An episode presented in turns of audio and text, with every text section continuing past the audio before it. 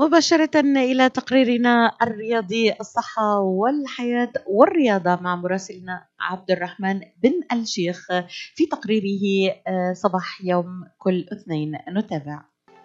مستمعينا الأعزاء أهلا ومرحبا بكم في هذه الجولة الرياضية التي نبدأها معكم من القارة الأفريقية حيث لعبت يومي الجمعة والسبت الماضيين مباريات إياب الدور ربع النهائي من مسابقة دوري أبطال إفريقيا. إذ تمكنت أندية الزمالك والأهلي المصريين والوداد والرجاء المغربيين من حجز مقعدهم في نصف نهائي البطولة بعد إطاحتهم بالترجي الرياضي التونسي وصن داونز الجنوب إفريقي والنجم الساحلي التونسي وتيبي مازمبي الكونغولي على التوالي. هذا وسيواجه الوداد البيضاوي المغربي في الدور النصف النهائي نظيره الأهلي المصري. في حين سيلتقي الزمالك شقيقه الرجاء البيضاوي المغربي إلى منطقة الخليج العربي حيث اختتمت بالعاصمة القطرية الدوحة يوم السبت أولى جولات البطولة العالمية للفروسية لأبطال قفز الحواجز. إذ توج الألماني دانيال دويسر بالجائزة الكبرى ونال فريق لندن نايتس المكون من الشقيقين نيكولا وأوليفي فيليبار المركز الأول في مسابقة الفرق. وفي القارة الأوروبية العجوزة اقترح ألكسندر تشيفرن رئيس الاتحاد الأوروبي لكرة القدم إلغاء كأس الرابطة في إنجلترا تخفيفا لازدحام برنامج المباريات هناك. وقال تشيفرن في مقابلة مع صحيفة ذا تايمز ألغيت كأس الرابطة في فرنسا بالفعل ولم يتبقى سوى إنجلترا. أعتقد أن الكل يدرك أن إلغاء البطولة سيصب في صالح الجميع. وأضاف تشيفرين لكن المشكلة هي أنه من خلال الكأس يتم تمويل الكثير من الأندية المتعثرة. لذا فأنا أتفهم المشكلة. كما أن الإنجليز يتمسكون بالتقاليد ويحبون الأشياء الموجودة منذ مدة طويلة. ومن كرة القدم إلى التنس حيث أعلن منظمو بطولة رولان جاروس الفرنسية أنهم لا يفكرون في تأجيل أو إلغاء ثانية البطولات الأربع الكبرى في كرة المضرب لكنهم يدرسون سيناريوهات مختلفة للبطولة المقرر إقامتها في مايو المقبل. في ظل تفشي فيروس كورونا المستجد وذلك وفقا لما أفادوا به لوكالة فرانس براس يوم الجمعة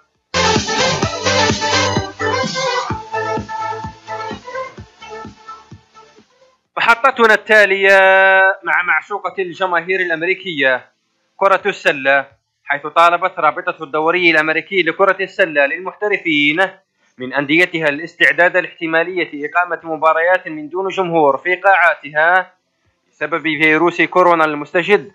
وأعلنت شبكة ESPN يوم الجمعة أن الفيروس الذي ينتشر بسرعة في مختلف أنحاء الولايات المتحدة قد يؤدي لإقامة المباريات بلا جمهور.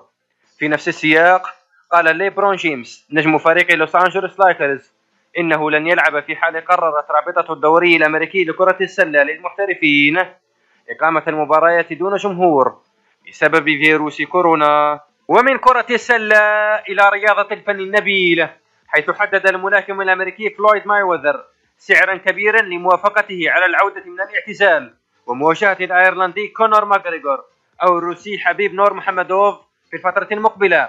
وفي أحدث تصريحاته رفض الملاكم الأمريكي العودة إلى المنافسة قبل الحصول على 600 مليون دولار وقال لست مهتما بمواجهة أي منافس عادي أنا في مرحلة أهتم فيها بالأموال. أنا رجل أعمال وأضاف في تصريحات خلال حدث ترويجي في لندن. لماذا أواجه مصارعا عاديا مقابل 30 مليون دولار؟ إذا كان بإمكاني مواجهة منافس تقف خلفه دولة بكاملها مقابل 300 مليون دولار. في إشارة منه إلى الدعم الذي يحظى به ماغريغور في أيرلندا ونور محمدوف في داغستان الروسية. وتابع مايوذر قائلا تحدثنا عن نزال مع ماغريغور ونور محمدوف والرقم بالنسبة لي هو 600 مليون دولار. إن قررت المخاطرة والذهاب إلى هذا النزال فيجب أن يكون المقابل يستحق ذلك.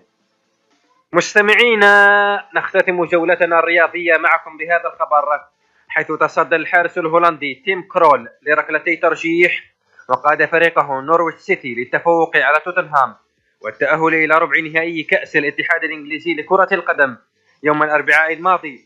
وكشف الحارس عن سر تألقه في ركلات الترجيح بصورة مع عبوة مياه كانت بجانب مرماه خلال سلسلة الركلات التي حسمت المواجهة. وكتب كرول أسماء اللاعبين على عبوة المياه. وإلى جانب كل اسم كتب احتمال الجهة التي سيسدد إليها الكرة.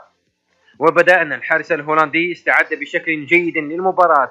ووضع احتمال الوصول إلى ركلات الترجيح. ولجأ لدراسة أسلوب كل لاعب لمعرفة الجهة المفضلة له للتسديد. وهي الجهود التي أثمرت عن تأهل نورويتش للمرة الأولى لربع نهائي كأس الاتحاد منذ 28 عاما. وقال كرول بعد المباراة الجميع يقولون إنني جيد في ركلات الجزاء إذا كنت أعلم أنه يجب علي إنقاذ بعضها. أنا ومدربي نقوم بواجبنا وكتبنا طريقة تسديد لاعبي توتنهام على قارورة المياه وهذا يحدث في ركلات ترجيح وعبر كرول البالغ من العمر 31 عاما عن سعادته بالفوز. وقال إنه قد يكون نقطة تحول في جهود الفريق نحو ضمان البقاء في الدوري الإنجليزي الممتاز. إلى هنا تنتهي جولتنا الرياضية معكم. أشكركم مستمعينا على حسن متابعتكم. وتقبلوا تحياتي عبد الرحمن بن شيخ لراديو صوت العرب من أمريكا.